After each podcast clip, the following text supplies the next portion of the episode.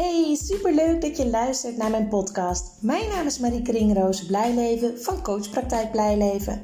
Ik ben motivatiespecialist voor tieners en hun ouders. In deze podcast geef ik informatie, inspiratie, tips en tools voor meer positiviteit in de puberteit. Het is namelijk mijn missie om het onnodig afstromen, dubleren en zakken voor het eindexamen terug te dringen in heel Nederland. Ik weet inmiddels uit ervaring dat als het contact tussen ouder en tiener positief is, dat dat direct effect heeft op het welbevinden en de schoolresultaten van een tiener. Een motivatieprobleem is namelijk een gevolg, geen oorzaak. Enjoy! Hey, goedemorgen. Het is alweer maandagochtend en weer tijd voor een nieuwe podcast. En in deze podcast wil ik het heel graag met jullie hebben over de verbinding tussen ouder en tiener. Het verbeteren van de relatie en de band. Want vroeger was je heel waarschijnlijk veel closer met je kind en nou ja, nu zijn ze in de tienertijd opeens veel uit huis. En als ze thuis zijn, dan zitten ze op hun kamer met de deur dicht. En ben jij er niet meer bij. En soms kan dat best wel een beetje voelen als ehm, dat je minder belangrijk bent. Eh, soms voelen ouders zich zelfs afgewezen door hun kind. Ehm, maar weet dat je daar invloed op hebt. Het is namelijk mega belangrijk om juist die verbinding op te zoeken en samen uh, dingen te ondernemen. En dat initiatief ligt bij ons als ouders. En ik zal je uitleggen waarom. Um, allereerst is het zo dat de relatie met je tiener net zo belangrijk is voor hun ontwikkeling als toen ze klein waren. Ze hebben op allerlei manieren hebben ze ontzettend veel voordeel van een, sterke uh, connectie met jou als ouder. Um, tieners die zich namelijk verbonden voelen met hun ouders zijn veel blijer en gezonder. Ze doen het ook beter op school en zijn minder snel bang of uh, hebben minder snel depressieve gevoelens. Dus die verbinding met hun ouders is ontzettend waardevol. En als jij waarde hecht aan de mening van jouw tiener. En jouw tiener heeft dus het gevoel dat hij met jou kan praten en dat niet alles direct wordt afgewezen of gebagatelliseerd of iets dergelijks, dan heeft dat een heel positief effect. Er zullen veel minder emotionele en gedragsmatige, gedragsmatige problemen zijn met je tiener. En ook hebben deze tieners, waarbij dit speelt, de connectie met de ouders, veel meer sociale vaardigheden, veel minder last met conflicten en veel meer positieve relaties in hun leven. En de overgang van de basisschool naar de middelbare school verloopt ook veel makkelijker daardoor. Dus tieners die zich veilig gehecht voelen, hè, veilige verbinding hebben met hun ouders, die drinken ook minder snel alcohol, minder snel te veel alcohol. Ze experimenteren minder met drugs. Ze worden minder snel jong zwanger. Het heeft allemaal positieve effecten. En natuurlijk is het zo, wat ik ook in alle podcasts bijna wel noem, Tieners moeten loskomen van hun ouders. Ze moeten zich voorbereiden, ze willen zich voorbereiden op hun zelfstandige leven. Uh, straks als ze uit huis gaan. Maar er moet wel balans zijn um, tussen het loslaten en verbinding. Dus het is niet zo dat ze volledig moeten loslaten. Zowel wij als ouders onze tieners niet, als andersom. De tieners moeten ons als ouders ook niet volledig loslaten. Dus ja, de beste manier of de overgang naar het volwassen worden is veilige hechting, veilige basis, veilig contact met uh, je kind. Het, de gezonde ontwikkeling eigenlijk van het loskomen en het ontwikkelen van meer autonomie voor je tiener ontstaat dus door de veilige hechting en emotionele verbinding uh, tussen ouder en tiener. En dat zorgt uiteindelijk ook voor dat de band met jouw kind, zodra ze helemaal volwassen zijn en uit huis zijn, dat die ook veel beter is. Eigenlijk een heel logisch uh, gevolg. Maar ja, het klinkt allemaal zo mooi, maar het is niet altijd even makkelijk. Want nou ja, je tiener kan best wel uh, nors zijn misschien. En met de ogen rollen. En dat je echt denkt, nou, connectie maken, het is leuk dat je het zegt, maar ik merk er weinig van. Nou, dan is het goed om, om te beseffen dat tieners, hoe, hoe, ze ook, hoe ze zich ook gedragen, ze hebben echt behoefte aan connectie met jou als ouder. En het initiatief ligt dan ook voornamelijk bij jou als ouder. Het is aan jou om de connectie mogelijk te maken. Dus tieners die zijn namelijk heel erg druk bezig met het opgroeien. Met hun puberteit, met vrienden, met alles en nog wat. Dus het is belangrijk dat wij het initiatief nemen als ouders en, en die mogelijkheden dus creëren om te connecten. Daar kom ik straks nog op terug op wat voor manieren je dat allemaal kunt doen. En uh, nou, eigenlijk eh, kan ik nu daar ook wel het een en ander over vertellen. Want wat je bijvoorbeeld heel eenvoudig kan doen, dat is een hele natuurlijke manier van verbinding maken, is interesse tonen in de interesses van je tiener. Oftewel belangstelling tonen in de interesses van je tiener. is hij veel aan het gamen? Uh, ga dan eens kijken bij de game. Wat doet hij nou eigenlijk? Wat voor spel is het? Hoe werkt het? Zo ga ik vandaag, het is vandaag zaterdag terwijl ik deze podcast opneem, heb ik een, uh, ja, een, een quality time moment zeg maar, met mijn oudste zoon. En dan morgen doe ik dat met mijn jongste zoon. En hij mocht kiezen wat we gingen doen. Hij zei, zullen we samen gamen? Nou, hij speelt uh, Fortnite, Ark, Survival Evolved, dat is met uh, dinosaurussen, um, Minecraft, van alles. En hij zei: Mam, geef niet als je niet weet hoe het moet. Niet moet. Als je niet weet hoe het moet, dan kom lekker uit mijn woorden. um, ik help je erbij. Ik leg je het uit. En we kunnen ook gewoon met z'n tweeën, dat we nog niet tegen anderen gaan. En dan kan ik je rustig uitleggen en dan kan je een beetje oefenen en trainen.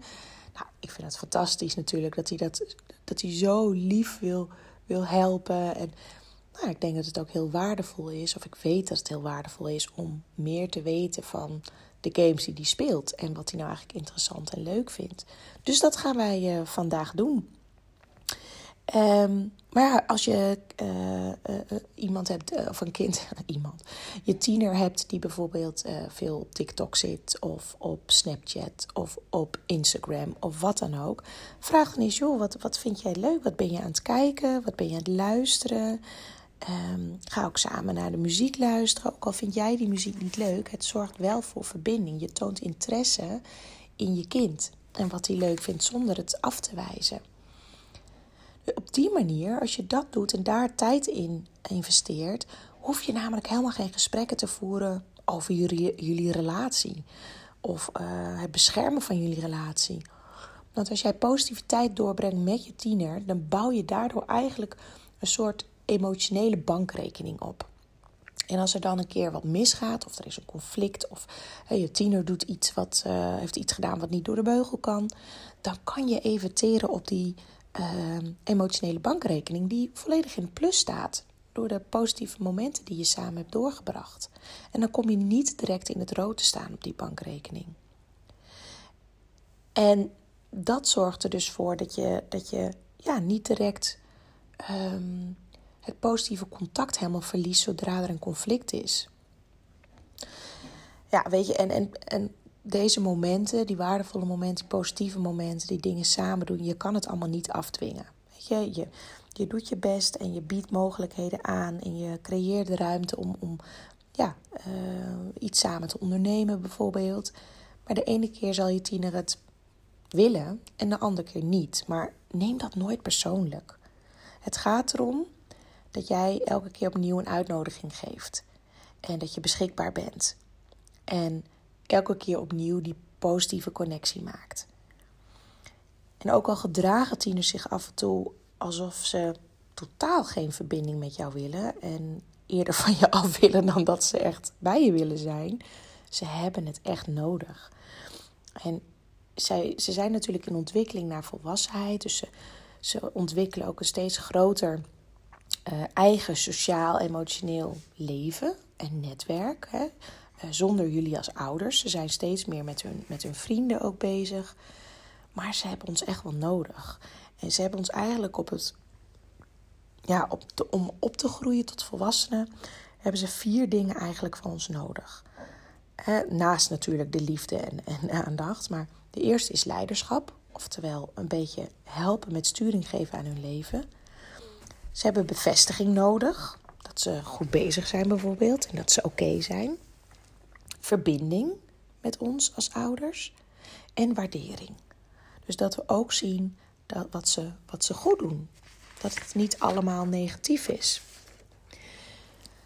En weet je, soms als er, als er strijd is of, of veel conflicten zijn of je kind is heel brutaal, dan, dan is connecten best wel lastig. En soms denk je ook van ja, zodra ik een grens aangeef, is er alweer direct ruzie en strijd. Is het dan niet, ja, is het dan niet handiger om gewoon die grenzen te skippen? Weet je, ze zijn bijna volwassen. Uh, ik heb geen zin in elke keer die strijd. Laten we maar gewoon loslaten. Doe dat niet. Echt, doe dat niet. Um, een grens aangeven als ouder aan je tiener is namelijk ook een manier van connectie maken. Dus blijf grenzen aangeven. Het is wel belangrijk dat de regels en de grenzen aansluiten bij wat jullie belangrijk vinden binnen jullie gezin. Um, als de regels bijvoorbeeld te vrij zijn, of juist te autoritair, dus veel te controlerend, dan zal je, je tiener steeds meer uit contact gaan. En dan verlies je dus ja, de verbinding en het contact met je tiener. En dat is niet wat je wil. Dus blijf in contact met je tiener terwijl je grenzen stelt. En wat bedoel ik daarmee? Daar bedoel ik eigenlijk mee dat je tiener moet merken en weten dat jij bereid bent als ouder om naar zijn of haar bezwaar en bedenkingen te luisteren. dus als je een regel hebt of een consequentie of, of iets dergelijks en je tiener protesteert, dat je niet direct zegt: hou je mond, het is klaar, ik heb het gezegd en uh, punt uit. Maar dat je ook open staat voor de reactie van je tiener. Wat vind jij er eigenlijk van? Of dat hoef je niet per se te vragen, maar het kan wel, maar dat hoeft niet per se. Maar als ze dus uh, bezwaar geven, en dat is heel vaak zo natuurlijk. Het betekent niet dat je moet meebewegen direct, dat je hun hun zin moet geven. Maar geef ze wel ruimte om te reageren. Neem ze serieus. Laat ze meepraten en meedenken. En zodra jouw tiener namelijk weet dat je naar hun mening luistert, dan zullen ze ook sneller de boel accepteren. En um, ja, het is voor hun ook makkelijker als je hun de ruimte geeft om jou weer serieus te nemen. Hè? Want als jij hun niet serieus neemt, waarom zullen zij dat dan wel bij jou doen? Dus als je tiener continu de grenzen uh, overtreedt en je hebt het gevoel dat het er niks boeit, bedenk eens bij jezelf hoe je reageert als die er tegen ingaat, bijvoorbeeld. Luister je erna of kap je direct af? als tieners geen grenzen krijgen, dan kan het ook zijn dat het hun helemaal niks boeit wat jij als ouder vindt. Want ze hebben nooit rekening hoeven houden met jou als ouder. Ze krijgen helemaal geen grenzen, kunnen volledig hun eigen ding doen. En dan leren ze dus ook niet ja, wat de grenzen van een ander zijn. Dus grenzen zijn mega belangrijk. Dus wat je eigenlijk als ouder doet in het geheel, wat, ouders, wat je als ouder eigenlijk zegt tegen je tiener, we zullen vastberaden zijn waar het nodig is en vasthouden aan onze grens wanneer dat echt nodig is. Maar we zullen ook flexibel zijn waar we kunnen. Um, dus door je te luisteren en met je mee te denken en samen erover te hebben. En we zullen altijd luisteren naar vragen die je stelt. We zullen die altijd beantwoorden. En we zullen ook altijd luisteren naar argumenten van jou. Dat zijn drie hele belangrijke dingen. En de key eigenlijk bij conflict, conflicten is echt het rustig blijven. En dat kan ontzettend moeilijk zijn, want tieners kunnen echt het bloed onder je nagels vandaan halen. Ze weten precies uh, op welke knoppen ze moeten drukken om jou bijvoorbeeld te raken. dat is vaak bij moeders is dat ook vaak een, een, grote frustratie. En bij vaders is het vaak als ze het idee hebben dat ze de controle verliezen. dat het kind, uh, dat het tiener doet alsof hij de basis in huis bijvoorbeeld. Dat is vaak een trigger voor ouders. En toch is rustig blijven het enige, het beste wat je kan doen. Want zodra je gaat schreeuwen tegen je tiener, dan gaat je tiener zich verdedigen dan duwt hij alleen maar weg en dan gaat hij uit verbinding. Dus rustig blijven. En heb je het idee dat dat niet lukt? loop dan even weg en zeg dat je op een ander moment terugkomt, maar dat je nu eventjes wegloopt omdat je het niet prettig vindt zoals het gaat, bijvoorbeeld. En ouders vragen ook vaak: wat, hoe denk jij over straffen geven en consequenties? Nou, weet je, straffen is niet een bewezen middel dat werkt. Belonen meer, maar uiteindelijk gaat het erom dat jij je kind discipline wil bijbrengen. En met discipline, discipline bereik je niet zozeer door te straffen. Het woord discipline betekent eigenlijk gids of training. Dat betekent het woord discipline. Dus je kind mag groeien met vallen en opstaan. En elke keer weer opnieuw. En elke keer weer herhalen wat echt belangrijk is en wat ertoe doet. En het is, voor je, het is ook niet erg als jij als ouder af en toe weer terugvalt in oud gedrag. Hè? Dat je dus wel een keer, ehm, eh, hoe zeg je dat? Uh, afkapt van je tiener bijvoorbeeld. Het maakt niet uit. Het belangrijkste is dat jij aan je tiener laat zien dat je je best doet. En dat is heel mooi, want dat hoor ik ook vaak jongeren zeggen in mijn praktijk. Van ja, het gaat nog niet elke keer goed, maar ik zie echt dat mijn ouders hun best doen. En dan kunnen ze ook allemaal voorbeelden noemen waaraan ze dat kunnen zien. En dat waarderen ze. En dat is het allerbelangrijkste, dat, je, dat ze weten dat je je best doet als ouder. En datzelfde geldt andersom natuurlijk ook.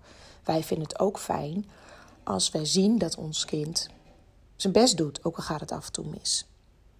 Het belangrijkste blijft toch echt wel het gevoel uh, hebben als tiener dat je geliefd bent, geliefd wordt en dat, je, uh, dat er om je wordt gegeven. En dat zijn de twee, hè, het geliefd zijn en het gevoel hebben er wordt om mij gegeven, dat zijn de belangrijkste items eigenlijk voor de connectie tussen ouder en tiener. Ja, en hoe kan je dan connecten? Hè? We, we hebben net hebben we al even genoemd van hè, als ze op Snapchat, op Instagram of op TikTok zitten. Vraag gewoon eens, joh, wat, wat vind je ervan en wat kijk je, wat vind je leuk? En luister ook naar hun problemen zonder ze direct te willen oplossen. je kent het van jezelf ook wel als je ergens mee zit, bel je een vriend of vriendin en dan wil je alleen maar even spuien. Dan heb je helemaal geen behoefte aan dat zij met oplossingen komen. Je wil gewoon eventjes je verhaal kwijt. Dat is bij tieners ook zo. En toon dan empathie.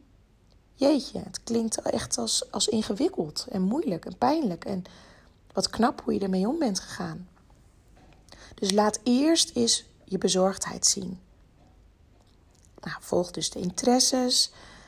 Um, reis rond. Breng ze met de auto waar ze heen willen, bijvoorbeeld. Um, nee, je bent geen taxibedrijf, maar het is wel de mooie, mooiste plek, hè, de auto, om gesprekken te hebben. Om eens te luisteren, want ze gaan praten, echt. Dus dat is heel waardevol aan het rondrijden van je tiener. En creëer ruimte, letterlijke ruimte. Als ze dus met vrienden willen zijn, zorg dat ze een plek hebben waar ze dan met vrienden kunnen zitten, bijvoorbeeld. Of op een slaapkamer, of als ze een avondje met vrienden thuis. Nou, zeg ik ga wel eventjes eh, weg, of ik ga wel even boven zitten, of iets dergelijks. En zorg ervoor dat je met de familie in verbinding blijft. Dus een weekendje weg, of een dagje samen wat doen, of een avondje wat samen doen. En dat hoeft echt niet elke week per se, maar doe het af en toe. En doe me één lol. Ga niet schreeuwen. Stop met schreeuwen. Als je denkt, oh, dat doe ik vaak, doe het niet. Zorg dat je rustig blijft. Jij geeft het voorbeeld namelijk. En je kan veel makkelijker verbinding maken zonder te schreeuwen. Dus reageer niet vanuit emotie, als ze stom doen. Kom even terug bij jezelf. Zeg ik kom later bij je terug. Ik loop even een ommetje of wat dan ook. Ja, nou, ik hoop dat jullie hier weer veel tips en tools uit hebben kunnen halen en dat het helpt met de verbinding. Ik hoop niet dat jullie te veel last hebben gehad van het geklapper hier, want ik zit in de woonkamer en nou ja, er zit zo'n uh, ventilatiedingetje, het waait heel hard en die klappert de hele tijd. Dus ik hoop dat het niet al te storend was en dat je wel het verhaal goed hebt kunnen horen. En sinds gisteren staat deze podcast ook op iTunes van Apple. Dus heb je een iPhone uh, of een iPad en heb je iTunes, dan zou ik het super tof vinden als je een beoordeling wil achterlaten bij een podcast. Je moet even helemaal naar beneden scrollen en daar kan je dan met sterretjes de beoordeling doen en nog wat tekst bijschrijven. Het voordeel daarvan is namelijk dat nog meer ouders mijn podcast te zien krijgen. Dus dan kan ik nog meer ouders bereiken en helpen met mijn waardevolle podcast. Dus alvast heel erg bedankt als je dat wil doen. En uh, ik spreek je woensdag weer. Doei doei!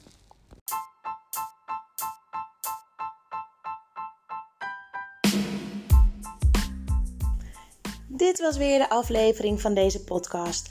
Ik hoop dat je het leuk hebt gevonden, dat je er veel informatie, tips en inspiratie uit hebt kunnen halen. Ik ben ontzettend benieuwd wat jij van deze podcast vond en wat je eruit hebt gehaald. Want ik neem ze op, maar ik wil heel graag weten hoe het is voor jou als luisteraar om dit allemaal te horen. Wil je mij dat laten weten via een persoonlijk berichtje? Dan vind ik dat hartstikke leuk. Wil je andere ouders motiveren, stimuleren?